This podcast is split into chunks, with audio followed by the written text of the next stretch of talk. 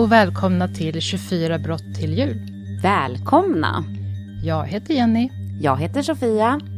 Det här är ju en julkalender och det betyder ett avsnitt varje dag i december mellan den första ända fram till julafton.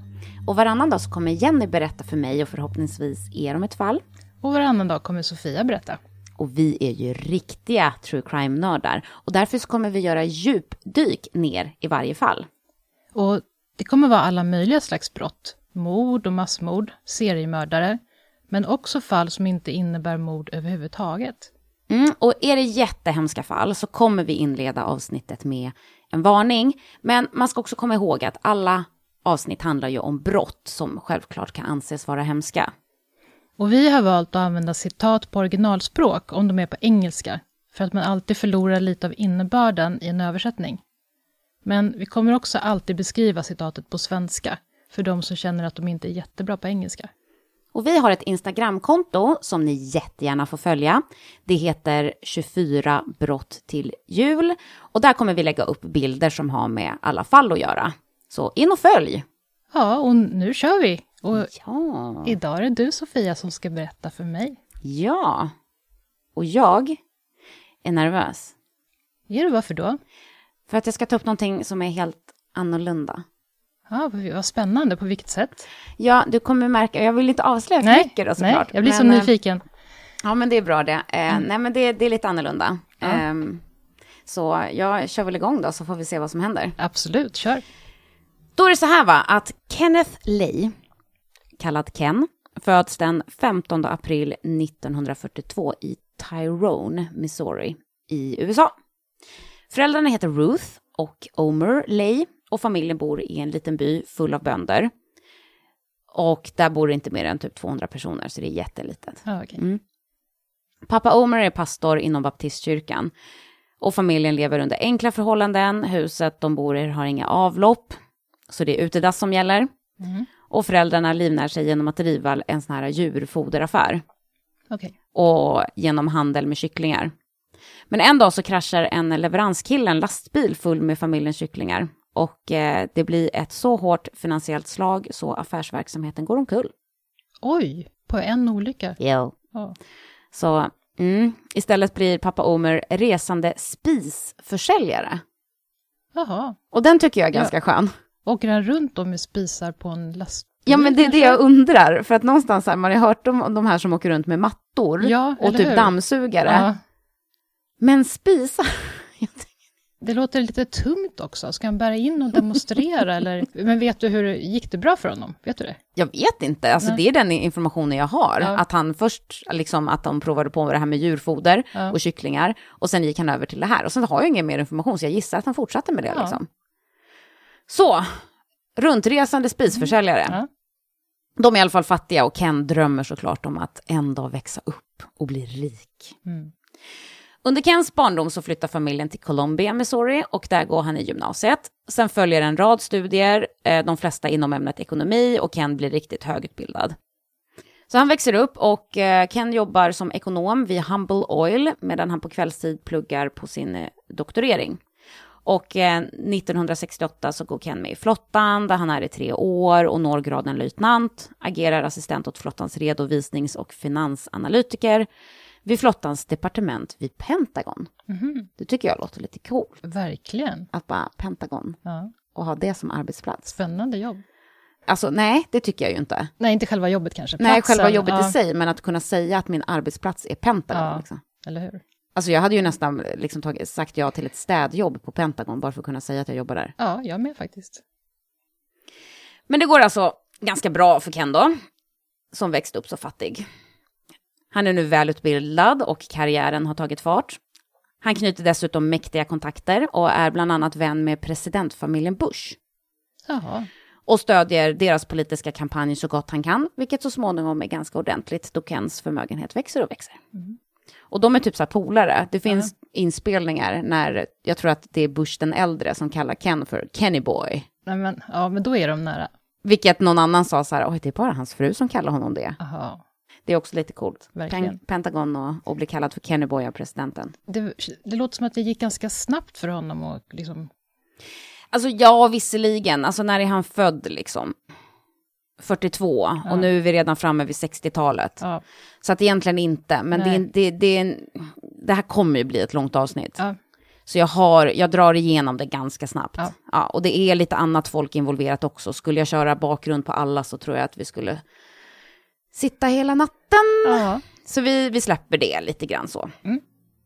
Under den här tiden så gifter sig Ken med sin college sweetheart. Och de får två barn tillsammans, Mark och Elizabeth. Och jag har ett citat från Ken, där han säger så här. Everyone knows that I personally have a very strict code of personal conduct that I live by. This code is based on Christian values. Okej.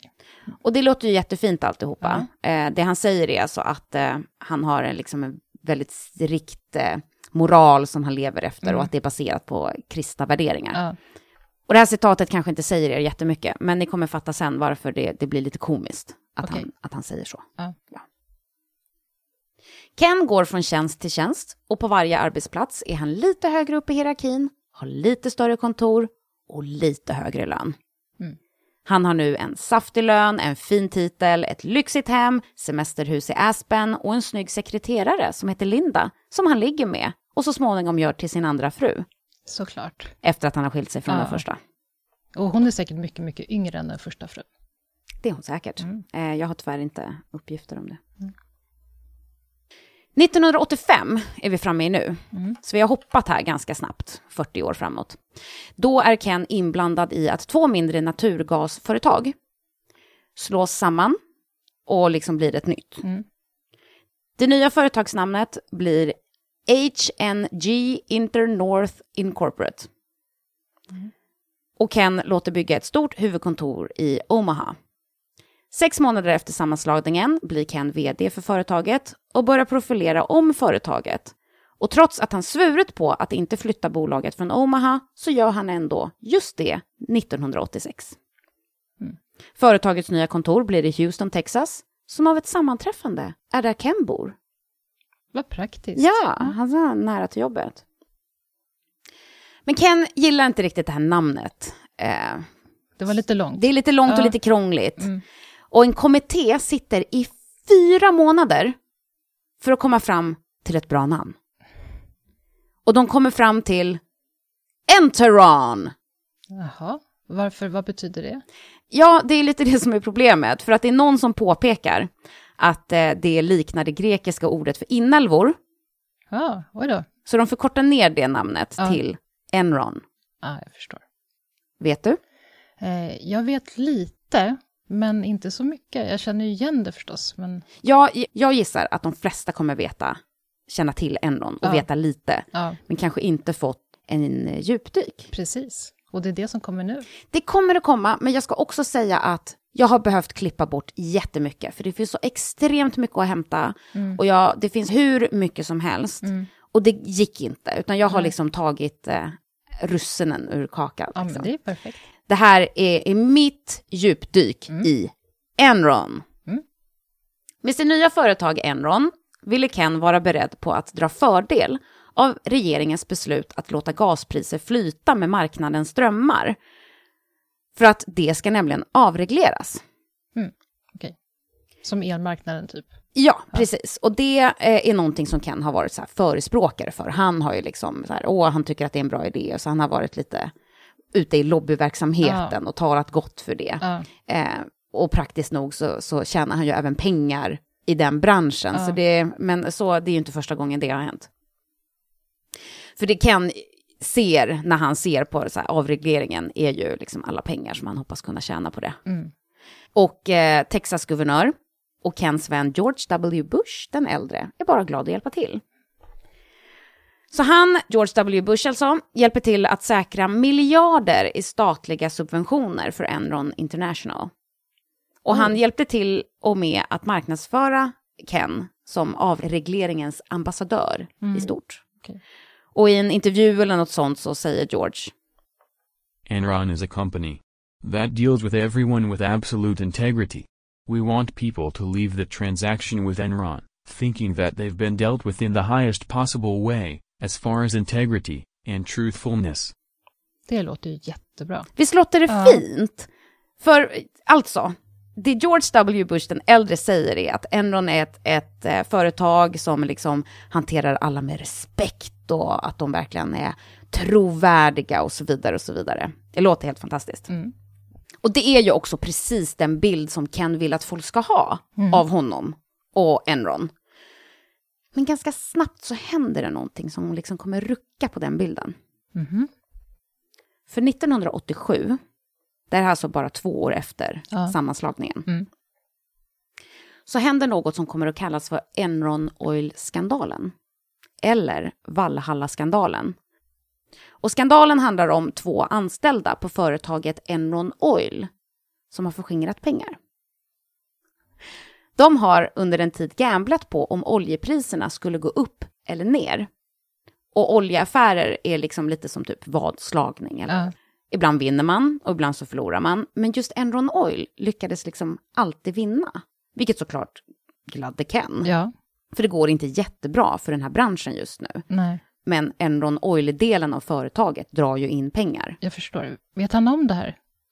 Att de drar in pengar vet Ja, han ju i alla Vet han hur? Oklart, Ja. men vi, det kommer att, eh, att redas ut. Okej. Högsta cheferna på Enron Oil har Dom Perignon och kaviar i kylskåpet på kontoret för att vara redo på en eftermiddagsskål. Och de har ju ofta anledning att fira. Vad härligt. Mm. Inte så det ser ut på mitt kontor. Nej. Inte här hemma heller. Nej. 1985 så tjänar de 11 miljoner dollar. 1986 tjänar de 28 miljoner dollar. Oj, Det är en ganska fet ökning. verkligen. Och det här är alltså medan övriga företaget går back och hela branschen går trögt. Ja, Och apropå pengar, så kommer jag försöka ange vad pengarna är värda i liksom dagens penningvärde. Mm. Men det här, i det här tillfället så var det mest för att man skulle kunna se skillnaden mellan år ett och år två. Mm. Men i alla fall, det är en man som har jobbat i branschen länge, som heter Mike McLeroy, som börjar ana ugglor i mossen över Enron Oils ständiga vinster. Han menar nämligen att det är nästan till omöjligt att tjäna så mycket pengar på laglig väg och det måste vara någonting skumt i Enron Oil. Och han har ju rätt. Den första hinten om att allt inte står rätt till var ett anonymt tips om företagets president Louis Bourget. Mm. Louis hade tagit ut mer än 3 miljoner dollar av företagets tillgångar och överfört dem till ett privat konto. Mhm. Och det är i dagens penningvärde 66,5 miljon svenska kronor. Oj, jösses. Mm. Det är så mycket så att man liksom inte ens kan greppa. Nej. Tog han ut det som lön? Bonus? Oklart. Ja. Det fanns utlandsbaserade konton, fejkad bokföring och ett spår som ledde från företagets kassör Tom Mastrioni till en mystisk libanesisk spekulant vid namn M. Yas. Mm. Och flyttar man mellanslaget en eh, bokstav till höger i namnet M. Yas så får man My Ass. Okej. Så de, de, de spelar ju bara spel. Ja. Så Louis Bourget och eh, Tom Mastrioni kallas in till Houston, där alltså Enrons huvudkontor är ju. Mm. Först presenterar de falska bankdokument, men sen erkänner de att de har tagit företagets vinster till privata konton. Saken växer. Enrons styrelse och en revisor kallas in för att titta närmare på ärendet. Under ett styrelsemöte så berättar revisorn för Ken att Louis och hans eh, handlare hade manipulerat inkomster och antagligen gamblat långt över sina tillgångar. Mm. Dagen efter får revisorn reda på att Kens beslut är att i stort sett inte ändra på någonting. Mm. Han menar att eh, det var ju den här delen av företaget som drog in mest pengar av alla, och man kan ju liksom inte slakta guldgåsen. Nej. Handlarna eh, blir inte avskedade. Det händer faktiskt ingenting med dem. De får liksom inte ens en smäll på fingrarna. Istället meddelar Enron till Lewis. Snälla fortsätt tjäna miljoner åt oss. Mm. Så i realiteten, istället för att minska Enrons risktagande så uppmuntrar alltså Ken handlare att gambla ännu mer. Men sen vänder turen. Enron Oil hade en förlust på 85 miljoner dollar. Handlarna hade gamblat bort alla Enrons pengar. Genom att agera snabbt så lyckas man att dölja den verkliga förlusten på mellan 142 och 190 miljoner dollar fram till Gud. 1993. Det är ju jättemycket Nej, pengar. det är fruktansvärt Ja. mycket pengar. Både Louis och Tom förklarar sig skyldiga till bedrägeri och för att ha lämnat in falska skattedeklarationer. Tom får villkorlig dom och Louis får ett år i fängelse. Mm. Efter skandalen menar Ken att han blivit chockad över att få reda på hur handlarna gamblat så vårdslöst. Mm, verkligen. Han har ju vetat om det. Ja. Det vet vi ju nu, ja, i och med det här med revisorn och styrelsen och mm, och här saker. Ja. Och nu med en av sina största moneymakers bakom galler så har Ken ett problem. Vem ska nu tjäna pengar åt Enron? Mm. Räddaren i nöden är Harvard-studenten Jeffrey Skilling som kommer från en prestigefylld konsultfirma som heter McKinsey som citat värderar hjärna och teorier över erfarenhet. Jaha, det ser man. Va, ja. Lite annorlunda. Jag, jag gillar den, det funkar Ja. liksom inte riktigt i alla branscher och bara nej, Nej. nej, du behöver ingen erfarenhet, men eh, var lite innovativ så Mm. gillar vi dig. 1988 så går den här Jeffrey till Ken och säger så här, alltså vet du, du kommer aldrig vara framgångsrik på aktiemarknaden om du har den här företagsmodellen. Du kan liksom inte köra de här tioårskontrakten och de här långsamma företagsmodellen. Du måste sätta större mål och ha en sexigare strategi för att kunna dra in mer pengar. En sexig strategi är alltid bra att ha. Ja, precis. För hittills har Enron tjänat pengar som alla andra företag i samma bransch genom långa kontrakt. Mm. De som producerar gasen går till ett företag som Enron och säger ja ah, men okej, vi vill sälja naturgas till er för låt säga en miljon dollar. Och så går Enron eller ett annat företag då till Denver eller Los Angeles eller någonting och så säger de så här okej, vi vill gärna sälja naturgas till er för 1,2 miljoner dollar. Mm. Och så köps och säljs naturgas och man säljer det liksom för lite dyrare än vad man har köpt det för. Och så tjänar ett företag som Enron pengar. Mm. Och allt är på långtidskontrakt. För alla vill ha fast pris och kunna förutse kostnaderna framåt för de nästkommande 10, 20 eller 50 åren. Så en ganska osexig bransch. Och ett tråkigt företag. Där allt deras pengaflöde Mm. består av små droppar av månatliga fakturor som kommer in vid jämna mellanrum. För alla de här liksom 100 eller 150 långtidskontrakten som de har. Mm. Och det är liksom inte en bransch som man ger sig in i om man hoppas på att bli rik snabbt. Nej. Och Enron är ett av de företagen som äger rörledningarna och producerar alltså ingen naturgas själv.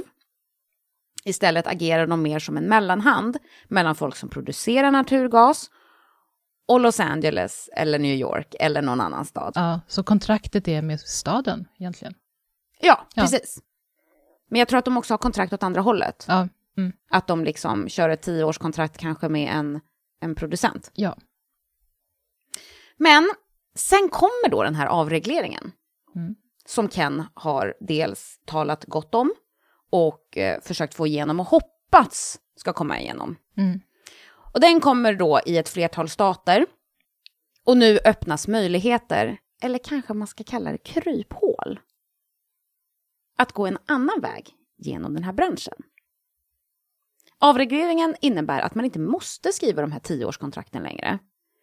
Man kan faktiskt köra kortare avtal, så här enmånadskontrakt eller till och med endagskontrakt. Oj. Mm. Så naturgas kan behandlas mer som en handelsvara. Och det innebär att de här rörledningsföretagen kan börja spela olika städer och naturgasproducenter mot varandra. Ja. Och det är alltså den här insikten som Jeffrey Skilling får Mm. och tar till Ken. Enron äger fler rörledningar än någon annan och har därmed nästan lite av monopol. ja. De har ju ganska stor makt om de förser en stad med... Verkligen, nej men så är det ju. Ja. Ofta så är det ju liksom inte att, att flera företag kommer med liksom ledningar in till samma stad, utan Nej. då är det ju en ägare. Ja. Och det funkar ju fint då när, man, när det är liksom reglerat av staten. Ja, Så jag fattar inte riktigt hur den här avregleringen har gått till om jag ska vara ärlig. nej. Så de har ju möjligheten att göra det här, Mm. kan man ju säga, med Ja. tanke på att de har den här monopolen. De skulle kunna pressa de som producerar naturgas att betala mer för att få sin naturgas in i rörledningarna. Och de kan pressa kunderna att betala mer för att få ut naturgasen ur rörledningarna. Mm.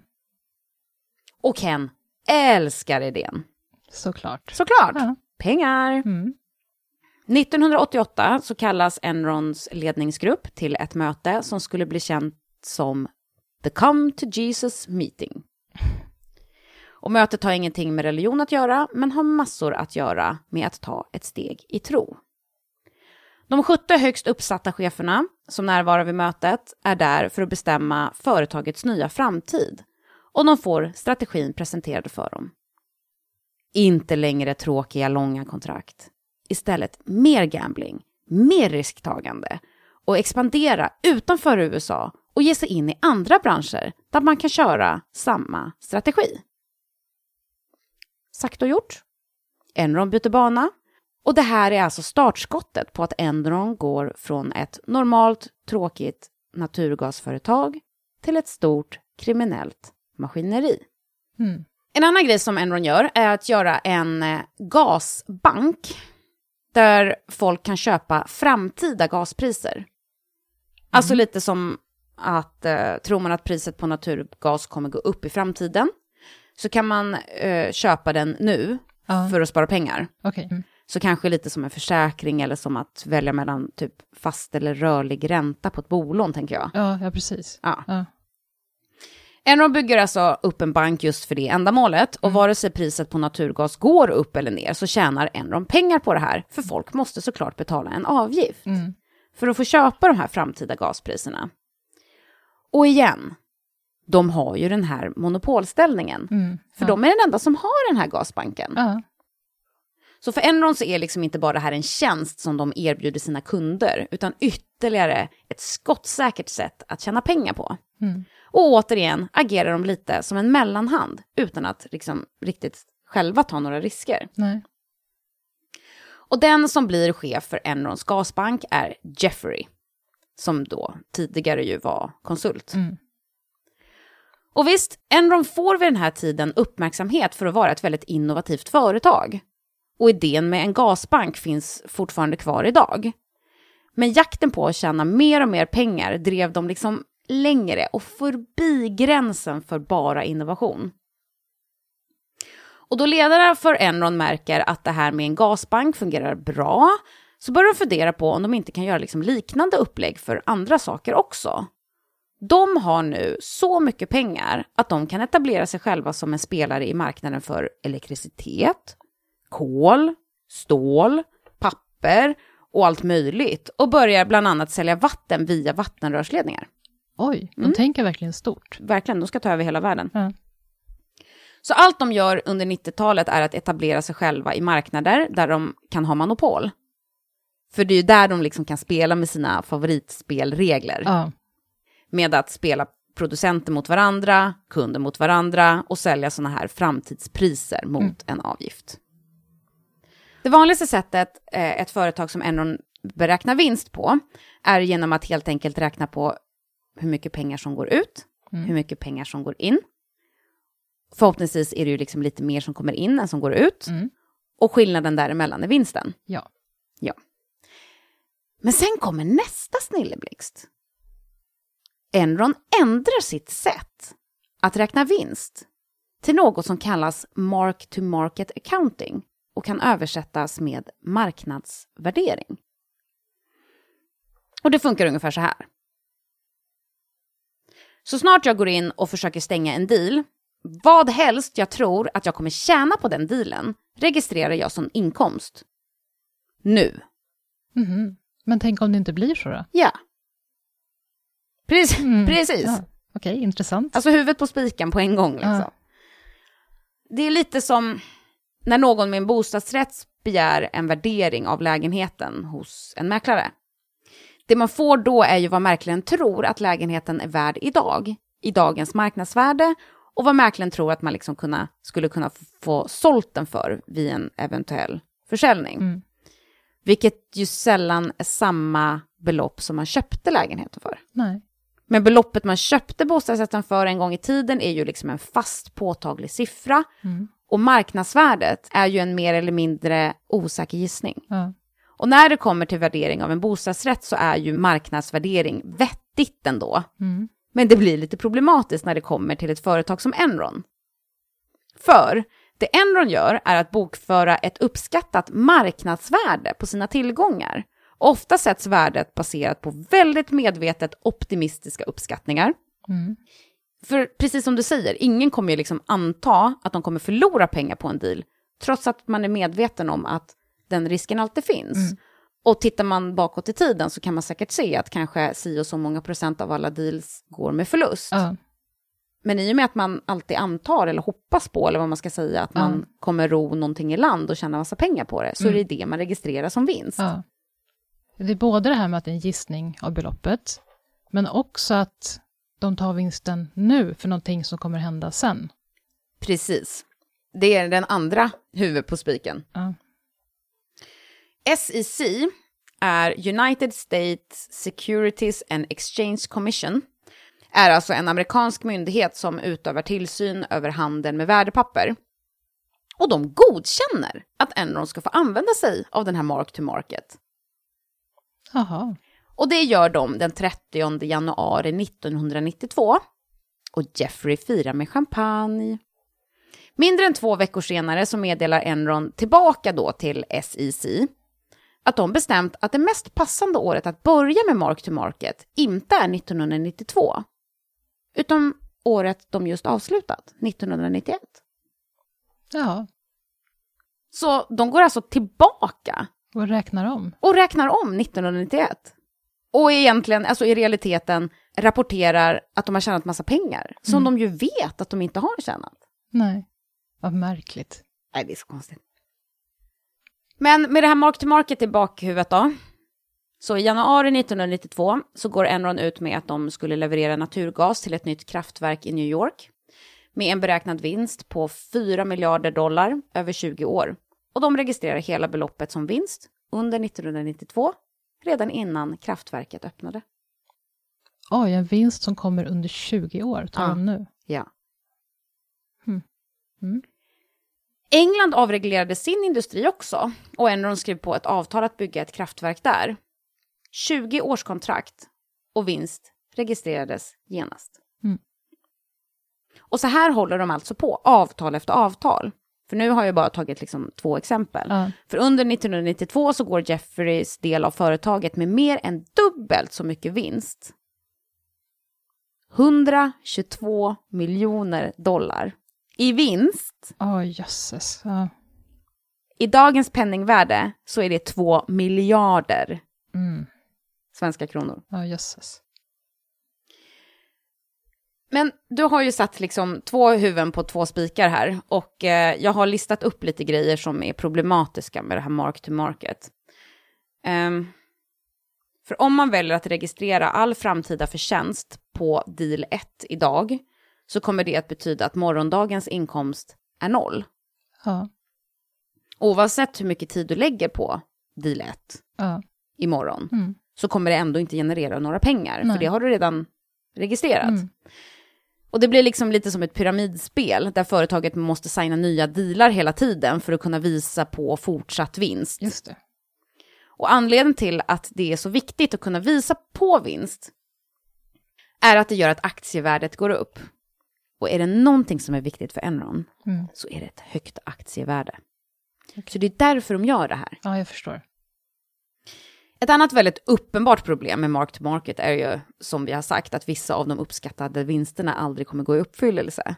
Nej. Enron försöker bland annat etablera en affärsverksamhet i Indien. De bygger ett kraftverk där, men ingen har råd med att betala liksom, Enrons dyra el. Nej. Så hela grejen raserar och kraftverket öppnar inte ens. Oj, jösses. Det måste vara jättemycket pengar. Ja, och pengar som de liksom förlorar. Ja. Men de har ju redan registrerat vinst. Ja.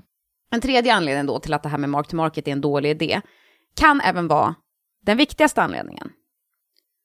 Mark to market-strukturen genererar inget pengaflöde. Nej, just det. Så om... jag skulle säga till dig Jenny, att jag tjänar 150 000 svenska kronor i månaden, Mm. Hela förra året. Mm. Men så får du tillgång till mitt bankkonto Ja. och ser att där har jag fem spänn. Mm. Så skulle det eventuellt väcka vissa frågor. Ja. Och ett företag måste rapportera sitt pengaflöde och hur mycket pengar de har till Wall Street. Okej. Och om Enron rapporterar miljarder i intäkter men har liksom inget pengaflöde och liksom inte kan visa på några pengar, eh, så kommer aktievärdet inte gå upp. För då kan man ju liksom rent faktiskt se att de inte har några pengar. Mm. Så det Enron helt enkelt måste göra, vilket motiverar till massa fusk, är att kunna visa på ett pengaflöde. För det är det som visar på att de är ett riktigt legitimt företag och inte bara en bubbla. Nej. Och hur fejkar man ett pengaflöde då? Jo, det sker främst via en kille som heter Andrew Fastow, som är en finanschef och anställd av Jeffrey och är snillet bakom liksom allt fusket med pengaflödet. Ja. Och det sägs om Andrew att han är citat, Definitely known as a suck ass. He named his son Jeff. Nej. Oj, jösses. hmm. det här citatet går alltså ut på att Andrew Fastow är en riktig rövslickare och att han gav sin son namnet Jeff Ja. efter alltså Jeffrey Skilling då Ja. får man väl anta som, som anställde honom. Ja. Och han lever för sitt jobb. Ja men uppenbarligen! Ja. Nej, gode tid. Jag skulle nog inte döpa mitt barn efter min chef. Nu har jag en ganska trevlig chef, men ändå. Men jag kan döpa mitt barn efter dig. Det får du göra. Aha. Det, det, den, den köper jag, Den men jag, jag är heller inte din chef. Sant. Andrews fusk är väldigt komplicerat och svårt att förstå, men det är också det som är meningen med hela grejen. Men förenklat så kan man säga att det han gör är att ta ett kreditkort för att betala skulderna på ett annat kreditkort. Okej. Det Enron gör är att skapa hundratals skalföretag. Och att ett företag har flera dotterbolag är liksom inget ovanligt. Om du tänker att typ Coca-Cola vill etablera sig i Kambodja så kommer de antagligen skapa ett företag som heter Coca-Cola Kambodja AB. För just det ändamålet och det företaget är liksom ett separat företag med separata investerare och så vidare och så vidare. Så det är inget konstigt överhuvudtaget. Men Enrons syfte till att skapa massa företag är att de då kan gömma sin skuld Ja, i nya företag hela tiden. Ja. Och de här företagen har ingen verksamhet. De har ingen verksamhet, utan Nej. det är bara liksom enbart för att kunna flytta runt pengar Ja. och, och fejka ett pengaflöde, men också liksom, ja, inkomster och alla de här grejerna. Eh, ett skalföretag köper ett annat skalföretag och då kan de säga, kolla vi sålde ett av våra bolag. Och så kan de registrera massa pengar då av försäljningen. Men egentligen så är det ju bara som att de har betalat en skuld på ett kreditkort med ett annat kreditkort. En annan grej de gör för att dölja att de inte alls tjänar så mycket pengar som de säger att de gör, är att få lån att se ut som inkomst. Okej. Så de lånar typ 3 miljarder Mm. dollar, vilket är sjukt mycket pengar. Ja. Det är ungefär 54 miljarder svenska kronor i dagens penningvärde. Ja. 54 miljarder. Så de lånar det här från en bank och så köper de obligationer för lånet, säljer tillbaka obligationerna, pengarna hamnar i ett skalföretag, tillbaka till Enron, fram och tillbaka och så plötsligt är hela saken så krånglig att ingen hänger med längre och när de i andra änden presenterar en inkomst på 3 miljarder så är det liksom ingen som kopplar ihop det med det här lånet. Nej. Och så bara, hej, inkomst! Ja.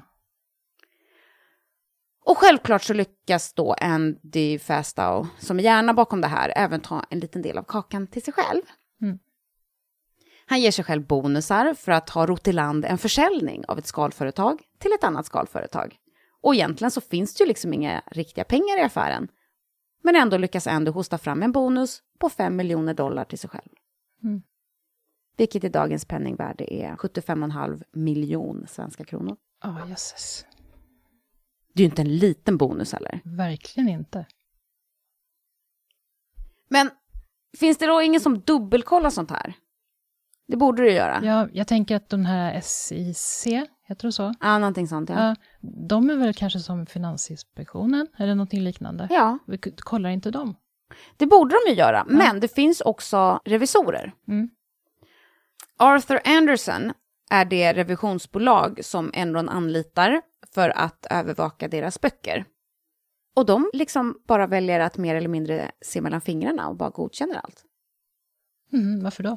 Jo, det finns en förklaring till det. För dels, det man tror, eller när jag har liksom läst om det här och, och så, så tror man att Arthur Anderson liksom inte är värre än något annat företag i samma bransch. För problemet som uppstår med tanke på att affärsverksamheten att övervaka företagets böcker inte är speciellt lönsam. Nej. Utan det företag i branschen istället försöker tjäna pengar på är konsultavgifter. Mm, jag förstår. Så det skapas liksom ett incitament att godkänna företagets fusk för att inte riskera att bli av med en verksamhet de faktiskt tjänar pengar på. Nej. Och dessutom så är det ju faktiskt någon som ger Enron de här lånen hela tiden. Ja. När de går back och behöver mer pengar. Mm. Och det är banker då som går med på att ge Enron de här lån efter lån efter lån. Ja. För det ligger även i deras intresse att det går bra för Enron då de investerar i dem och uppmuntrar sina kunder att investera i dem. Mm. Så hela den här grejen med att få lån att se ut som intäkter är faktiskt till och med bankens idé. Ja. De kommer liksom på det för att hjälpa Enron. Ja. Men företaget drar alltså också in pengar. De gör ju det. Kanske inte på de mest moraliska sätten dock.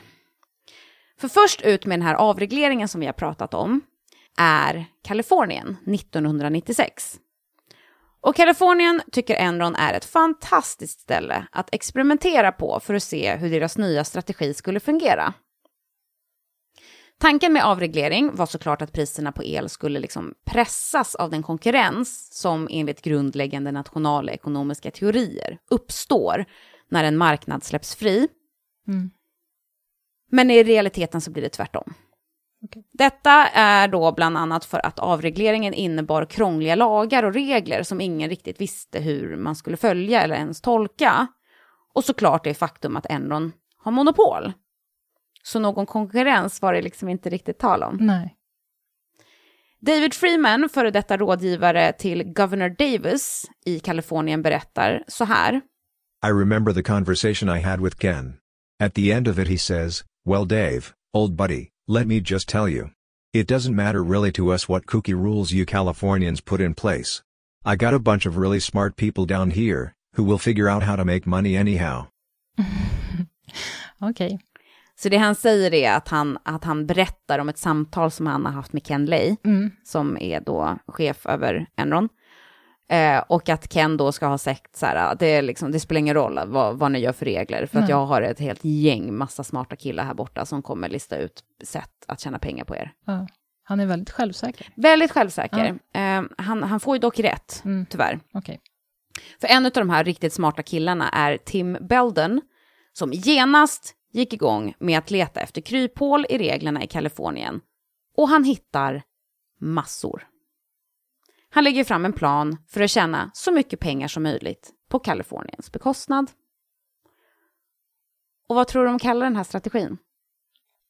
Hmm. Jag har ingen aning. Nej, det är klart att du inte vet. Eh, men det, det finns inspelade telefonsamtal mellan Enron-handlare Ja. eh, som avslöjar följande. What do you want to call this project? Probably have a catchy name for that. Ha ha ha. How about, you know, something friendly like Death Star? Ha ha ha ha. Oh. Hmm. Ja, de kommer alltså fram till att de ska ha ett, ett så här vänligt namn eh, för det här projektet Ja. och kallar det därför för Death Star. Ja. Vilket jag tror att de flesta vet vad det är. Ja. Ja, hemliga dokument från Enron avslöjar liknande strategier med liknande namn. Wheel Out, Mhm. Get Shorty, Fatboy. Och Fatboy är väl namnet på någon missil eller bomb eller något va? Jag har ingen aning. Alla de här planerna har ju en sak gemensamt och det är att tjäna pengar så mycket som möjligt. Och det är liksom det enda som verkar betyda något för Enron. Och lagar och moral sätts åt sidan. Kalifornien funkar på det sättet att de har ett eget kraftverk och säljer liksom el till sig själva i stort sett. Ja. Eh, Men el kan ju inte lagras, så om invånarna en dag plötsligt använder mer än Kaliforniens egna kraftverk klarar av att producera, så måste de köpa el från utanför Kalifornien på den öppna marknaden. Mm. Och Enron äger elledningarna på i stort sett hela västkusten, Mm. där Kalifornien ligger. Så det de gör är att informera kalifornierna typ så här, oj vad mycket el ni använder. Ni måste nog köpa lite extra. Mm. Och by the way, eh, vi kan sälja det till er. Mm, såklart de kan. Och tydligen har liksom inte Kalifornien något sätt att dubbelkolla det här, utan de är bara så här äh, tacksamma för Ja. att snälla Enron räddar dem ur en knepig situation. Ja. Och så köper de el av dem Mm. för liksom upp till fem gånger det vanliga priset. Trots att det liksom aldrig var ont om el till att börja med. Nej. Men ibland är det dock ont om el. För det ser nämligen Enron-anställda till att det är. Ja, hur gör de det? Det gör de på lite olika sätt. En handlare som är kreativ ses som en bra handlare. Så det är det som är liksom så sjukt i situationen, för anställda uppmuntras att göra de här omoraliska grejerna för att tjäna pengar. Ja. Och i andra änden så blir anställda också belönade med aktier i Enron. Det blir också i deras egna intresse att se till att aktievärdet går upp. ja, för nu är de delägare själva. Ja, Mm. nej men precis. Handlare stannar liksom efter 12 timmars skift på jobbet och bara hänger över kartor över liksom det västra energinätet för att lista ut hur de liksom smarta ska kunna manipulera elpriserna. Ja. Och de kan hela systemet utan till. Mm. Så plötsligt har Kalifornien elavbrott. Dag efter dag. Mm. Folk sitter fast i hissar, skolor och lite varstans. I timmar. Och mindre företag och myndigheter är tvungna att stänga ner. Ja. Och mitt i sommaren med nästan 40 graders värme så slutar människornas luftkonditionering att funka. Mm. Det är ju jättefarligt. Verkligen. Men hur kommer det sig? Vad, har de låtit bli att leverera el som de skulle ha levererat? Vi kommer till det. Ja. För strömavbrott händer även mitt i december. Trots att Kalifornien då använder hälften så mycket el som under sommaren. Samtidigt som det kraftverk som förser Kalifornien med el har kapacitet att producera nästan dubbelt så mycket som invånarna förbrukar i snitt per dag. Och vad är det då som har hänt? Jo, för det Enron beslutar att göra är att strypa utbudet av el när prislappen inte riktigt faller dem med smaken. Och de kreativa handlarna gör det på ett ganska aggressivt sätt. En handlare berättar bland annat det här. What we did was overbook the transmission line we had the rights on, and said to California utilities, if you want to use the line, pay us. By the time they agreed to meet our price, rolling blackouts had already hit California, and the price for electricity went through the roof. De har verkligen ingen moral överhuvudtaget. De har ingen moral överhuvudtaget, Nej. du har helt rätt. Så det de gör är att de överbelastar ju de här äh, elledningarna. Ja. Och säger i stort sett till Kalifornien så här, "Ja, men om ni vill ha el så får ni betala för det. Ja. Alltså det blir nästan utpressning liksom. ja, och ändå så har de ju kraftverket och kan producera själva. Mm. Mm. De verkar ha ganska dålig koll. Alltså Kalifornien. Ja, kan det vara att de inte äger liksom kraftverket, det gör Kalifornien själv, men de kanske äger liksom elledningarna? Ja. Så kan det ju vara. Ja, att de äger det enda liksom sättet för dem att få ut elen från kraftverket. så kan det vara. Ja. Mitt under energibrist så börjar Enrons handlare att exportera ström från staten. Efterfrågan höjs, Ja. folk blir desperata Ja. och när priset steg så tog den tillbaka elen. Mm. Något annat de gör under strömavbrotten är att vända sig till företag i Kalifornien och säga, ja ah, men med tanke på att statens elförsörjning är så dåligt så kanske ni vill köpa lite av oss. Mm. Så då tjänar de ju pengar på det också. Ja. Under Kaliforniens elkris skriver Enron avtal värda mer än en miljard dollar med företag i staten. Oj, ja. Och det är alltså utöver då det de säljer till staten ja. statligt. Och de säljer ju statens egen el på något sätt. Nej, jag tror inte Nej. att de gör det, utan Nej. alltså de, de har ju kapacitet att föra in el från utifrån Ja, staten. Mm. Och Kalifornien har ett elkraftverk, så de borde egentligen inte behöva Enrons hjälp. Nej.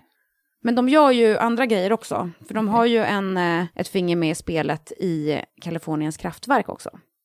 För de kommer fram till att om de stänger ner kraftverken så innebär ju det också mindre utbud Ja, men stänger ner kraftverken? Hur då? Jo, det finns liksom inspelade telefonsamtal som avslöjar hur det går till. Och det här är någonting mellan en Enron-handlare och en anställd på kraftverket. Hey, this is David up at Enron. Hi. There's not much demand for power at all here. If we shut it down, can you bring it back up in three or four hours? Oh yeah. Why don't you just go ahead and shut her down then, if that's okay? Okay. Oj, vad, jaha.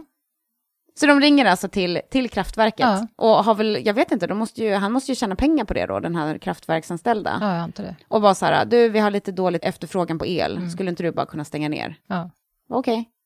Och så bara, du Då kan... trycker du kan, på knappen Tryck på ja. knappen, och off-knappen. Ah. Och så tillbaka igen om några timmar. Ja. Och det här gör de alltså om och om igen. Mm. Jeffrey Skilling säger om händelserna i Kalifornien så här. Oh, I can't help myself. You know what the difference is between the state of California and Titanic? At least when the Titanic went down, the lights were on. ja. Han säger alltså så här, vet du vad skillnaden är mellan Kalifornien och Titanic? När Titanic sjönk så var lamporna i alla fall på. Mm. Ja. Kalifornien går från att betala 7 miljarder dollar på el till 27 miljarder dollar. Det är Oj. alltså en ökning med 386 procent. Ja. Och det leder ju självklart till att de måste dra ner pengar på andra grejer. Ja. Så det här går ju liksom ut över medel till universitet i staten och allt möjligt. Det är helt Ja. fruktansvärt. Gud, och till sjukvård kanske. Och... Ja, men säkert. Mm. Det, är ju, alltså, det är ju fruktansvärt. Det är alltså 20 miljarders skillnad. Ja. Helt sjukt. Så ja, Enron tjänar i alla fall pengar. Mm. Det är inte bara fusk. Jeffrey menar också att ett företag som bryr sig för mycket om utgifter motarbetar nyskapande. Jaha, okej. Ja, när jag säger såna här grejer så bara ger jag Jenny en så konstig blick och väntar på en reaktion Ja. för att jag fattar inte själv. Och jag sitter tyst och funderar på vad betyder det här egentligen? Ja, men typ. är, är det typ att de bara ska fokusera på intäkter? Ja. Ja, och strunta i kostnaderna? Ja, men han, han tänker att om man ska behöva tänka på för mycket kostnader så kommer det liksom hämma ens förmåga att dra in pengar, Okej. gissar jag. Mm. Och föga förvånande så sticker liksom spenderandet av pengar iväg som bara den. Mm. En då som jobbar inom Enron har sagt så här. People just did what they wanted. If you met your earning target, you'd get your bonus. Even if you spent twice your budget for expenses. Mm. Så det han säger är alltså så här att folk fick bara göra vad de ville. Ja. Om du nådde upp till dina mål för att dra in pengar Ja. så fick du din bonus oavsett om du liksom hade spräckt din budget flera gånger om Ja. på utgifter. Och folk spenderar pengar till höger och vänster, såklart. Mm. Det var nya tunna datorskärmar, cateringlunch och mobiltelefoner på Enrons bekostnad. Limousiner på jour. De hade anställda vars arbetsuppgifter gick ut på att hämta upptagna anställdas kemtvätt, vattna deras blommor eller handla årsdagspresenter. Oj, förutom att det är så himla omoraliskt Mm. så vill jag gärna jobba där. Ja. Och cheferna på Enron är nu rika som troll. Och de har en livsstil som matchar deras helt omänskligt stora förmögenhet. Och när det kommer till lyxiga jetflyg så är det svårt att slå Falcon 900, som får kommersiell första klass att blekna i jämförelse. En ny Falcon 900 kostar ungefär 30 miljoner dollar. Oj. Till våren 2001 så har Enron sex jetflyg Mm. två Falcon 900, tre Hawker 800 och en Falcon 50. Och visst, det är liksom legitimt för ett stort företag att ha ett visst behov av jetflyg, men det är helt uppenbart att Enrons ledare missbrukar sina jetflyg. Biltävling i Kanada, shoppingtur i New York, Ja. semester i lyxorter i Mexiko och en snabb, inom citationstecken, affärsresa i London. Mm. Allt via Enrons jetflyg, på Enrons bekostnad av Enrons högst uppsatta chefer. Och inte en enda tanke på kostnaden. Nej. En av piloterna berättar att de som använder planen allra flitigast är Ken och hans familj. Mm. Det spelade ingen roll om de skulle en liten tripp till en fjällstuga i Aspen eller till en annan semesterort. Så tar Ken och Linda alltid Falcon 900. Det nyaste och lyxigaste av jetflygen i Enron-flottan. Mm. Den kallades av Enron-anställda för citat, familjen Lees privata taxi. Mm, Okej. Ibland behövde paret dessutom två jetflyg. Mhm. En till honom och en till henne. En anställd för att hantera flygplanen berättar så här. Several times, Mr. Lay was going to New York, but Mrs. Lay could not leave at the same time. She'd have something to do, so she'd have to leave an hour or two later. So we'd fly him to New York, and then follow that plane with another one. Then, the airplanes would have to return empty back to Houston. It was extravagant. It was a waste of money. It'd happen eight or more times a year. Ja, han berättar alltså att det hände flera gånger att Ken och Linda skulle till en och samma plats, men Linda kanske hade någonting att göra, hon kanske, vad vet jag, vi skulle gå till frisören, ja nu är jag Ja. elak. Men hon, hon kunde i alla fall inte åka samtidigt som Ken, utan kanske skulle åka en eller två timmar senare. Och han kunde inte vänta in henne heller. Uppenbarligen inte. Nej. Så då flyger ett flyg med Ken, och sen en eller två timmar senare så flyger Linda med ett annat flyg. Och sen måste ju de flyga tomma tillbaka. Ja, just det. Det hände alltså minst åtta gånger per år. Oj, bara det att de åkte varsitt plan. varsitt plan. Sen så Ja. använde de den ju flera gånger Ja, när de ja, liksom åkte tillsammans, men just det här liksom. För familjen Lay hittar liksom alltid nya innovativa sätt att utnyttja planen som sin personliga pickup truck. Mm. Kens fru Linda har en dotter som heter Robin från ett tidigare äktenskap Ja. och hon bor i Nice i Frankrike. Mm. Ken och Linda bestämmer sig för att åka och hälsa på Robin och tänker att de kan slå två flugor i en smäll och ta med Robins säng också. Mm, Okej. Det finns inga sängar att köpa i Nice. Nej men uppenbarligen inte. Nej, Alltså det är liksom det löjligaste jag någonsin har hört. Ja. Jag tror att det finns ganska fina sängar i Nice. det tror jag säkert. Jag tänker att inte Nice lite lyxigt och... Jo. De har säkert jättelyxiga sängar. Mm. Och piloten som flög den här resan berättar så här. We were supposed to take a king size bed, but we couldn't get the box spring through the door. I said, unless you want me to cut it in half, it's not going. So we left it in the hangar. We ended up taking the mattress and the headboard and the side rails. Ja, så piloten berättar alltså att de försökte bara trycka in den där, för det är en sån här king-sized säng En också. dubb, stor, stor dubbelsäng. Det blir en stor ja. dubbelsäng ja. Ja. Och den gick ju inte in, så han fick ju berätta så här, alltså, om ni alltså jag, kan, jag kan såga isär den i Ja. två delar, då kan vi få in den. Men de tog ju med sig madrassen och ehm, S- Sänggaveln? Nej. sänggaveln, Ja. precis. Men de fick tydligen inte med sig allt. Men eh, en halv säng. Okej. Några månader efter besöket, 1999, så vill Robin komma hem igen. Mm. Det har varit kul med sandstränder och solväder, men hon saknar sin mamma och pappa. Så hennes föräldrar gör några få samtal och några timmar senare så är Enrons Falcon 900 redo för avresa. Tom, förutom piloterna, för att hämta Robin och hennes tillhörigheter, inklusive sängen, i Nice. Ja. Enrons interna böcker visar att det kostar ungefär 5 200 dollar per timme med att, Ja. det här flyget. Ja. Vilket betyder att Robins trip från Nice till Houston kostade Enron 125 000 dollar. Vilket i dagens penningvärde är 1,9 miljoner svenska kronor. Herregud, för en resa. Mm. Och det spelar liksom ingen roll hur mycket det kostar då. Och det spelar heller ingen roll att det går kommersiella flyg från Frankrike till Houston varje dag i veckan. Mm. Och det spelar heller ingen roll att Robin är vuxen.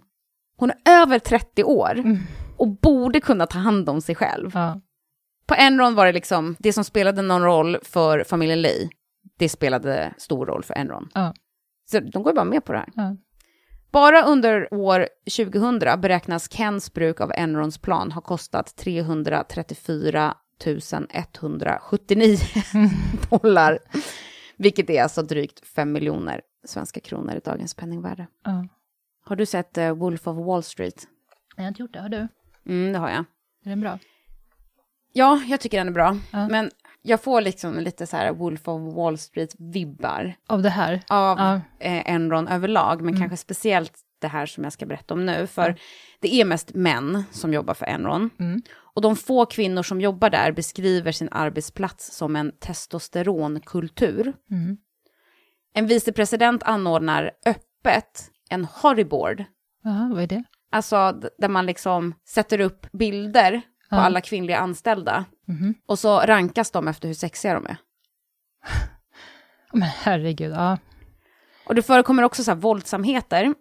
När en handlare får reda på att hans årsbonus bara är på 500 000 dollar, vilket i dagens penningvärde är alltså 7,5 miljon Ja. svenska kronor, så sägs det att han ska ha plockat upp sin plasmaskärm och bara slängt den över rummet. Och det känns helt rimligt när man bara får 7 miljoner. Stackarn. En annan handlare som är orolig för ett uppkommande utvecklingssamtal trycker upp sin chef mot väggen och anklagar honom för att ha ljugit om handlarens performance. Oj, men då, jag antar att det inte är den chefen han ska ha utvecklingssamtalet Alltså jag då? gissar inte det, annars så känns det ju dumt. Ja, Och jag översatte inte performance för att jag hade svårt att... nej, men det går att köra på det. Ja. Chefen bortförklarar i alla fall händelsen med att handlaren citat bara hade en dålig dag. Ja. Och alla på Enron känner till historier om hur en högt uppsatt chef brukar ta upp strippor på kontoret. Chefen heter Lou Pai och om honom sägs det att han bara blir motiverad av två saker. Okej. Pengar och strippor. Ja, såklart. Lou brukar gå på strippklubb i stort sett varje dag efter arbetsdagen är över och han tar gärna med sig handlare. Mhm. Han spenderar dessutom en hel del pengar där på strippklubben. Notan står självklart Enron för. En av de här kvällarna så är det en av grabbarna som frågar Lou så här. You know, Lou. All the rest of us are single. You know, we don't have any problem. But how do you keep your wife from smelling the stripper's perfume on you? Mm. Oh, I've got a secret. I stop in at a gas station on the way home. And I spill a little gasoline on myself, and it kills the scent. But Lou. Doesn't your wife then think you're fucking the gas station attendant? Åh gud. Ja. Det sägs alltså att det ska ha varit en kille som har frågat Lou så här att eh, de är ju singlar alla andra, men han är ju gift den här Lou. Så hur håller han det hemligt för hans fru att han går på strippklubb hela tiden? Ja. Jo, säger Lou, han, eh, på vägen hem så brukar han stanna till vid en eh, tankstation Mm. och spilla lite bensin på sig. Okej. För att det luktar mer än vad strippornas parfym luktar. Aha, jag förstår. Varpå killen då säger, men Lou, tror inte din fru att du ligger med personalen på tankstationen då? Aha. Mm. Och det blir helt knäpptyst runt bordet. Lou är liksom inte en kille man driver med på det sättet. Nej. Och historien går att två dagar senare så var killen som pratat bredvid mun omplacerad till ett kontor på annan ort. Okej. Och den där Jeffrey Skilling då, han har ju lite sina egenheter. Han beskriver sin managementfilosofi så här. All that matters is money. You buy loyalty with money. This touchy-feely stuff isn't as important as cash. Så han säger att allt som betyder något är pengar. För man kan köpa lojalitet med pengar. Och alla de här äh, känslogrejerna, det är liksom inte alls lika viktigt Nej. som kontanter. Jeffrey kom på ett system av PRS, Peer Review System. Okej. Jag vet inte hur man ska översätta det. Medarbetarsutvärdering? Ja, Eller något sånt. ja, Ja. ja, tack, bra. Och det är någonting som inneföll var sjätte månad. Mm. Varje anställd, från helt upp liksom högt ledarskap, Ja. ner till sekreterare, Mm. alla blir granskade. Först var det skriftlig feedback från chefer och kollegor. Sen gick de till ett hotell där paneler debatterade och rankade varje anställd medan deras foton liksom lyste på väggen från en projektor framför hela gruppen. Och var den personen med också? Ja, det gissar jag. Åh herregud. Folk argumenterade, debatterade, skrek och gormade. Och det var inte ovanligt att de här kvällarna varade mellan åtta på kvällen till långt efter midnatt. Oj. Alla fick ett betyg mellan 1 och 5, där 5 är liksom sämst. Mm. Och att dra in pengar slog ju alltid högst. Mm. 15 procent var tvungna att få en femma. Okej. Alltså oavsett hur bra de har presterat. Ja. Och de här personerna blir satta i så kallade Sibirien. Mhm. En sits där de hade två veckor på sig att hitta ett annat jobb inom Enron för de var ju uppenbarligen inte bra nog på det de gjorde. Nej. Och de som inte lyckades med det, vilket är de flesta, Mm. blev avskedade. Okej. För Jeffrey så blir Enrons aktievärde som en besatthet. En monitor i kontorets lobby visade ett ständigt uppdaterat aktievärde. Och var Jeffrey på resande fot så ringer han flera gånger varje dag Mm. för att få reda på vad aktievärdet ligger på. Mm. Och Jeffrey ringer till aktieanalytiker och frågar liksom vilka inkomster som krävdes för att hålla aktievärdet uppe. Och sen var det den inkomsten som han rapporterade. Ja. Att ingen märker det här, det är ju jätte, jättekonstigt. Ja, men alltså, det är precis som att och, och de som märker det liksom bryr sig inte, utan bara är med på hela fusket. Ja, Och det finns liksom ingen hejd på vilka kryphål man kryper igenom för att kunna tjäna mer, betala mindre i skatt och höja aktievärdet. En anställd säger, citat, och det här måste jag nästan, det här kommer ni inte få höra, en sån här uh, text to voice. du kommer köra den. Jag kommer köra Ja. den här nu. Mm. Say you have a dog, but you need to create a duck on the financial statements. Fortunately, there are specific accounting rules for what constitutes a duck. Yellow feet, white covering, orange beak. So you take the dog and you paint its feet yellow and its fur white and you paste an orange plastic beak on its nose. And then you say to the accountants, this is a duck. Don't you agree that this is a duck? And the accountants say, yes, according to the rules, this is a duck. Everybody knows that it's a dog and not a duck, but that doesn't matter because you've met the rules for calling it a duck. Ja, vad fiffigt. Ja, och det är ju lite det här som du säger, liksom, att det är ingen som märker det här. Jo, det Nej. är det ju. Ja. För det han säger är ungefär så här. Säg att du har en hund, men du behöver en anka på grund av den finansiella rapporteringen. Ja, Och det finns vissa regler då som säger vad som är en anka och inte. Vilket är typ att det är en vit kropp, eh, gula fötter och en orange näbb. ja, Så du tar den här hunden som du faktiskt har och så målar du dens fötter och eh, pälsen och sätter typ en plastnäbb på den. Mm. Och så, så går du då till eh, revisorn och säger titta, här är en anka. Mm. Det, du håller med om det va? Och varpå revisorn säger absolut, den Ja. lever upp till reglerna för vad som är en anka. ja. Och alla ser ju att det är en hund. Men de följer reglerna. Men de följer för- reglerna. Och så vet man att det är fusk, men liksom, ja. Hur som helst. Enron har ju alltså nu gett sig in i massa branscher utöver naturgasbranschen där de började från första början. Mm. Och de här andra branscherna vet de i realiteten inte speciellt mycket om. Utan de är ju egentligen bara hungriga efter att tjäna massa pengar. Mm. Och de har liksom inte heller riktigt någon större fysisk kapacitet. Och vet inte hur man driver affärsverksamhet i de här andra industrierna. Nej. Och det är ju liksom Jeffrey som ligger bakom allt det här. Och det sägs om honom att han är en person som älskar idéer, men är fullständigt ointresserad av att implementera dem. Ja, okej. Så han är alltså den som liksom engagerat föreslår att man ska expandera till elektricitetsbranschen. Och någon annan inflikar att den branschen faktiskt funkar helt annorlunda än naturgasbranschen. Ja.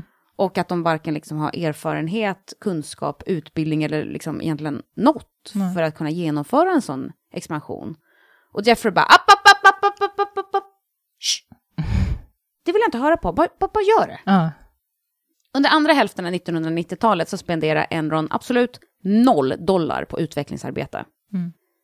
Allt annat har liksom tagit vid och vid år 2000 så tjänar Enron tre gånger så mycket från trading mm som de tjänar från själva rörledningarna Ja. som de äger. Så de är nu i stort sett ett finansiellt serviceföretag mer än någonting annat. Ja. 80% av pengarna de tjänar år 2000 gör de på företag som inte ens existerade 1988. Oj. Så de har ju verkligen gjort en resa liksom och bara morfat in till någonting som de inte var överhuvudtaget där när Nej. de började. Och kärnverksamheten i företagen är inte viktig överhuvudtaget. Nej, nej, nej, den finns knappt. Nej. Men alla köper inte in på Enron som en framgångssaga och ett hippt och framförallt innovativt företag. Sex år i rad så har de fått utmärkelsen det mest innovativa företaget i Amerika av Fortune Magazine. Och ändå är det liksom ingen som riktigt förstår vad det är de gör. Nej. Än så har Enron lyckats liksom hålla uppe fasaden genom fusk. Men det kan liksom inte vara för evigt. Och det pratade vi också om, det här med mark to market, att man hela tiden måste liksom signa nya Ja. kontrakt. Ja. ja, som du som någon typ av typ pyramidspel nästan. Det blir ju nästan så. Ja. Och nu då, in i det nya millenniet, så börjar det knaka i fogarna. Ordentligt. Och det finns två huvudanledningar till det. Eh, dels så går gaspriset ner. Mm. Så det Enron utåt sysslar med, gas, Mm. börjar gå back. Dessutom är Enron inte längre ensamma på marknaden om att ha den här gasbanken. Nej. För de var ju först ut med det, men det Ja. var ju också en väldigt innovativ och bra idé. Mm. Så konkurrenter hakar ju på. Så nu har ju de också det. Ja. Så Enrons faktiska affärsverksamhet tjänar inga pengar och konkurrensen på gasbanken gör att den liksom inte är så vinstdrivande heller. Nej. Men det riktiga slutet för Enron inleds i mars 2001 då det publiceras en artikel där någon för första gången på riktigt ställer frågan Hur tjänar Enron egentligen sina pengar? Mm. Artikeln skrivs av en 30-årig kvinna som heter Bethany McLean som skriver för tidningen Fortune. Artikelns rubrik är Is Enron overpriced? Mm. Alltså är Enron, vad ska man säga, överskattat? Ja. Och artikeln är liksom ganska gullig på något vis. Aha. Hon ställer sig frågan, hur tjänar Enron sina pengar? Och så ringer hon runt till olika personer på typ Mm. banker och Wall Street och även chefer inom Enron och typ så här, hej, vet du hur Enron tjänar sina pengar? Ja. Och de bara, nej. Nej. Och det är typ det hela artikeln är, Ja. i stort sett. Och jag har ett litet stycke ur artikeln som lyder så här. Start with a pretty straightforward question. How exactly does Enron make its money? Details are hard to come by, because Enron keeps many of the specifics confidential for what it terms competitive reasons. And the numbers that Enron does present are often extremely complicated. Even quantitatively minded Wall Streeters who scrutinize the company for a living think so. If you figure it out, let me know, laughs credit analyst Todd Shipman at S&P. Jo, hon säger att det är liksom svårt att ta reda på hur Enron tjänar sina pengar. Mm. För att å ena sidan så, så säger Enron att eh, det är liksom deras affärshemligheter. Och å andra sidan så den information som de faktiskt släpper är väldigt, väldigt komplicerad och svår att förstå. Ja. Och hon har också av sig till människor som typ jobbar på, på Wall Street och frågar om de vet. Och de bara, ha ha ha, nej men om du får reda på det så kan du berätta det för mig. Så det är liksom, ingen vet. Nej. Och det är ändå de som ansvarar för deras aktieförsäljning. Mm. De uppmuntrar ju folk att köpa aktier Ja. i Enron, men de vet inte ens hur Enron tjänar pengar. Nej. Tre högt uppsatta ledare inom Enron tar ett av de där jetflygplanen som vi pratade om Mm. till New York och har ett tre timmar långt möte med den här Bethany som skriver artikeln Oj. och försöker förklara vad företaget Enron egentligen gör. Då måste de blivit oroade ju. Jo, men de, det kan ja. eventuellt eh, stämma. Ja. Eller jag menar, de var inte, de tog ju för sig det där jetplanet lite Jo. varstans, jag vet Jo. inte. Men du kan ju tänka dig hur det mötet såg ut. Ja. Vilket Bethany i efterhand också bekräftar. Mm. Hon är alltså en 30-årig kvinna Ja. och de är medelålders män i kostym. Mm. Så det är väl liksom en hel del mansplaining som under det här mötet. Ja. Och det är nedlåtande och de kör fram och tillbaka mellan du skulle ändå inte förstå och det är en affärshemlighet. Mm. Mm. Artikeln är liksom inget direkt scoop och avslöjar inte direkt någonting. Men frågan som ställs väcks nu i människors huvuden överallt. Hur tjänar Enron egentligen sina pengar? I augusti 2001, fyra månader efter att artikeln kommer ut, så säger Jeffrey Skilling upp sig. Med förklaringen att han vill tillbringa mer tid med sin familj. Mm, såklart. Säljer han aktier också? Eh, vi kommer till det. Jag är så nyfiken, förlåt. Ja, det är ingen fara. I oktober samma år så går Enron ut med att de faktiskt gått back det gångna kvartalet. Vilket är första gången på typ fyra år som de har gått back ett kvartal. Ja. Och två veckor efter det så går Enron ut med att de har räknat om sina bokslut mellan 1997 och år 2000 och kommit fram till, ursäkta alla aktieägare, men vi har tjänat 1,2 miljarder mindre än vad vi tidigare påstått. Mhm. vilket är alltså 17,5 miljard svenska kronor. Ja. Teorin är då att Jeffrey visste mycket väl om att allt det här höll på att krascha och att han därför lämnade företaget innan dess. Ja. Men det kan också ha att göra med att Jeffrey i en telefonkonferens alldeles nyligen kallat en analytiker för asshole. när han ställde frågor om Enrons affärsverksamhet som Jeffrey hade svårt att svara på. Ja. Och samtalet gick till så här. You are the only financial institution that can't produce a balance sheet or cash flow statement with their earnings. You, you, you. Well. Uh. Thank you very much. We appreciate it. Asshole. Så analytikern eh, liksom säger att så här, ni är det liksom det enda företaget som inte liksom kan presentera rapporter om, Nej. om ert eh, pengaflöde. Nej. Och Jeffrey Skilling är så här, ja du, eh, tack så mycket, det, det uppskattas, asshole. De har liksom inga gränser på det här företaget. Nej men det är så konstigt. Ja. I oktober samma år så går det här SEC, som vi har pratat om tidigare, den här myndigheten då som granskar liksom handel och sånt i USA. Ja. Eh, De går ut med att de granskar Enron för misstänkt intressekonflikt mellan företaget och skalföretagen. Mm. Alltså, folk börjar ställa frågor. En högt uppsatt chef säger upp sig. De justerar sina bokslut till det sämre. Mm. Går ut med att de har gått back det senaste kvartalet. Och nu undersöks de dessutom av SEC. Den 5 oktober 2001 så ligger Enrons aktie på 90 dollar. Ja. Men i december samma år så ligger den på 75 cent. Oj, jösses. Mm. Oj. Mm. Det är alltså oktober, november, det är två månader. Ja. Gud vad sjukt. Det är helt otroligt. Ja. Under perioden aktierna rasar så uppdaterar Enron dock sina online-system. Vilket gör att, förlåt alla, men vår hemsida ligger nere just nu. Eh, så ingen kan sälja sina aktier. Nej. Cheferna lugnar de anställda och säger att det bara är lite blåsväder som snart kommer passera. Mm. Men vips så har Enron gått i konkurs och alla får en halvtimme på sig att packa ihop sina prylar. Mm. Och packa en sån här pappkartong som man Mm. ser på film och sånt. Ja. där. Ja. Precis. De har nu alltså inget jobb och fickan full av värdelösa aktier. ja. Åh gud vad sorgligt. Samma vecka det här händer så säger Ken i en intervju, citat, My network has gone from hundreds of millions to tens of millions. And my liquid net worth is less than a million dollars. Ja, Stackar. verkligen. Han säger då att hans förmögenhet har ju gått från 100 miljoner till 10 miljoner Dollar. mm, dollar. Det är synd om honom. Och hundratals säger han ju, det är ju plural också. Ja, dessutom. Mm. Ja. Vid konkursen är Enron det sjunde största företaget i USA. 60 miljarder dollar försvann från USAs ekonomi. Oj. Ja. I dagens penningvärde så är det alltså över 853 miljarder svenska kronor. Ja. Och det går typ inte att greppa. Så det jag Nej. gjorde, det var att jag gick in på regeringens hemsida Ja. och kollade lite där. Och det här 60 miljarder dollar, det motsvarar alltså vad Sveriges rättsväsende kostar i två år. Oj. Mm.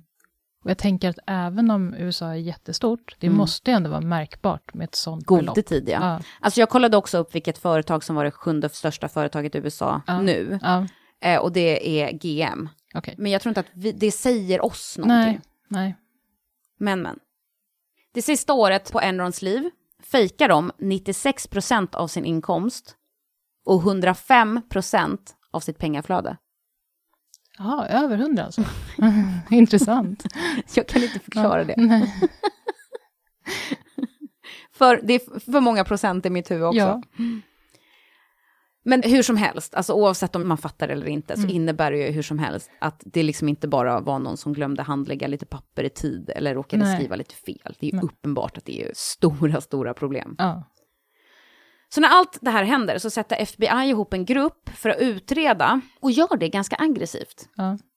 Bland annat så hotar de att sätta fast den här Andrew Fastow, ja. hans fru, för skattefusk. Oj, men inte skattefusk som har med Enron att göra, utan... Jag vet inte, jag har inte hört någonting om det, utan... Nej. Ja, jag vet inte. Men vad märkligt, gå på hans fru. Ja, eller de går ju på honom egentligen. Ja, jo, men via henne, ja. Via henne. För att få honom att prata helt enkelt. Ja. Och det funkar. Och Andrew, det är alltså han den här finanschefen som fixade och trixade med all bokföring och fejkade de här med skalföretag och, Ja, och allt det. Mm. om ni minns.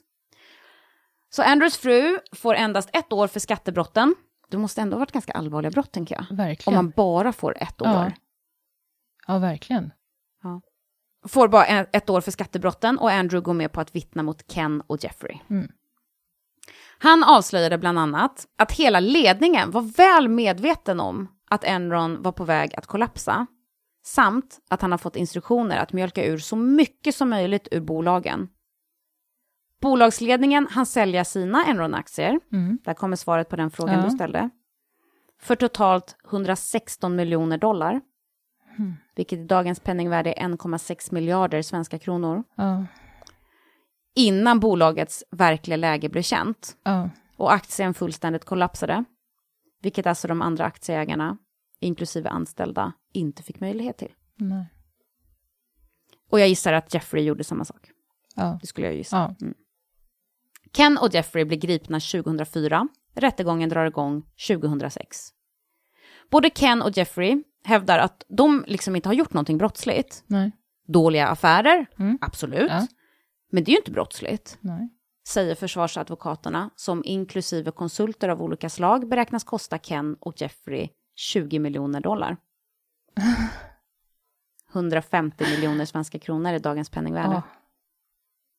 Det är inte klokt. Men de hade ju fått sålt sina aktier. Ja, sant. Ken och Jeffrey förklaras skyldiga till ett flertal åtalspunkter när rättegången avslutas den 25 maj 2006. Maxstraffen för brotten som Jeffrey och Ken blir dömda för är 45 respektive 185 år, Vad de skulle kunna få. Alltså. vad de skulle ja. kunna få. Andrew blir dömd till 10 år i fängelse, Mm. vilket är alltså ett lägre straff som kompensation för att han vittnade. Ja. Jeffrey Skilling blir åtalad på 31 punkter och får 24 år och 4 månader i fängelse. Mm. Men Ja. Som ofta händer med rika människor så lyckas han på något sätt få ner sitt straff till tio år. Och är så redan ute. Ja. Ken blir åtalad på sju punkter och blir förklarad skyldig, men får aldrig sitt straff fastställt. Nej. Han hinner nämligen dö av en hjärtinfarkt 5 juli 2006, Mm. innan dess. Okej. Ytterligare 16 personer erkände sig skyldiga till brottsliga handlingar i företaget, Mm. medan ytterligare fem dömdes mot sitt nekande och en begick självmord. Åh, herregud. Så fruktansvärt. Mm. Det känns lite dumt när man sitter, för att det är en sån bisarr historia, att man sitter och liksom skrattar åt vissa saker, och så är det, det är så allvarligt i botten. Ja men det är det ju och det, det hoppas jag verkligen att ni som lyssnar liksom kan acceptera att man liksom sitter och skrattar åt att det är så idiotiskt hur de liksom använder de här eh, flygplanen och Ja. allt vad det nu är. Men det är ju alltså, speciellt när vi kommer till nästa stycke här nu liksom. Okej. För de som drabbas absolut värst, Mm. det är ju de anställda Ja. och investerare i bolaget. Mm. Bara i Houston så är det 4 000 personer som förlorar sina jobb. Mm. Men inte bara sina jobb. För de flesta har placerat alla sina besparingar i Enron-aktier. Ja. Och 15 000 personer har hoppat på Enrons pensionsplan, som också är baserad i Enron-aktier. Åh nej. Så pensionsfonden för Enron-anställda hade varit värderad till 1,2 miljarder, är nu helt värdelös. Fy. och jag tänker de som är nära pension då. De, har ju, de får ju ingenting. Nej, jag hade ju fått panik. Ja, jag med. Lite annat efterspel då. Den här Arthur Anderson, det här eh, revisionsbolaget, Mm. som liksom har godkänt allt Enrons fuskade, Mm. de fick sin licens indragen av myndigheterna, Mm. vilket gjorde att de i stort sett fick avsluta sin verksamhet på dagen. Ja. Och hela den internationella organisationen totalt föll ihop. Ja. 85 000 personer förlorar sina Oj. jobb. Ja. Alltså långt fler ja. Än de i Enron. ja, verkligen. Men det är ju också, alltså, hör ju till samma skandal. Liksom. Mm. Ja. Och det finns fortfarande 200 anställda vid det gamla huvudkontoret i Chicago Mm. som arbetar med de rättsliga efterspelen Jag har fortfarande nu. Oj. i, i den här Arthur Anderson. Ja. De verksamheter som Enron bedrev köptes upp och drevs i vissa fall vidare av konkurrenter eller tidigare företagsledning i dotterbolagen. I Sverige övertogs till exempel Enrons vindkraftverk i Kalmarsund av General Electric. Så de hade verksamhet i Sverige också? Mm. Mm. Och som sagt, det finns, det, nu har jag inte mer. Nej. Det, det var det. Ja. Men det, alltså jag vill bara säga att det finns mycket, mycket mer. För det finns till exempel så här, det är någon som har kommit över alla, alltså alla e-mails som skickades. Och det här Ja. var nog innan man kanske tänkte så mycket på vad man skickade. Ja. Där man också har satt upp, typ, de har gjort en hel databas, så de forskar på Enron e-mails. Oj! Och eh, det ligger till grund för hur man identifierar terrorism, Jaha. typ. Ja. Jag tror att det var så. Ja. Jag får lyssna på det igen och så. Men alltså, för att man kan se liksom, att man kan känna igen ett mönster, vilka det är som är involverade i fuskandet och inte. Och det är fruktansvärt intressant, men vi har redan nu pratat väldigt, väldigt länge. Ja. Och jag ville liksom inte, det blev ändå för långt, men jag ville inte att det skulle bli jordens längsta avsnitt, för jag var lite rädd för att det här är ju mitt white collar crime-brott. Ja. Och jag vet inte om det finns något intresse för det överhuvudtaget. Men jag lovar, det här är det enda. Fast jag tycker det var jättespännande och jag är sugen på att du lägger ut massor med tips på Ja, men Instagram. tycker du det? Vad Ja. härligt. Men du, jag tänker, vill du se lite bilder också? Jättegärna. Här är då Jeffrey Skilling, Ja, kostymsnubbe. kostymsnubbe, ja, när han är lite på toppen, han står där och ler. Ja. Eh, här blir han då, när han lämnar fängelset. Oj, hoppsan. Mm. Ja. Tio år senare. Mm. Ja. Eller, det, ja, precis. Ja. Sen har vi ju då Ken Lay. Mm. Så ser han ut. Mm. Alltså en Ja. farbror. Ja, en farbror med, med kostym. Och så den sista då, som kanske är av intresse, det är väl eh, Andy Fastow. Ja. Så det här är alltså killen som ligger bakom allt fuskande med skalföretagen. Ja. Mm. Här är också en, en, en, den sista bilden, jag tänkte bara så här, Enrons eh, logga, du kanske känner igen den? ja, lite vagt. Det är där när de plockar ner efter konkursen? Eller? Nej, det här är nog utanför huvudkontoret, men jag har också en där de plockar ner den. Ja, där ja. Mm. Ja, men det, jag känner igen den. Mm. Men jag funderar på de eh, som åkte i fängelse. Ja. Eh, fick de, när de kom ut, hade de kvar sina förmögenheter då? Eller fick de betala någon typ av böter? Vet du det? Jag vet inte, det har inte stått i några källor. Och Nej. det, det är ju väl liksom, det hände väl i Sverige, men jag vet inte hur det funkar i USA, om det Nej. kanske är olika olika stater eller någonting sånt, utan Ja. det stod vad de fick i fängelse. Men jag kan Ja. inte föreställa mig att har de lurat massa människor på pengar, Mm. att de inte också skulle få liksom ett ekonomiskt straff. Ja. För annars så sitter de i fängelse, i och för sig tio år, men de kommer ut och så har de... Är de rika troll? Ja. Mm. Ja. Man kanske får hoppas. ja. Men du, ska vi eh, knyta ihop den här påsen kanske? Det ska vi.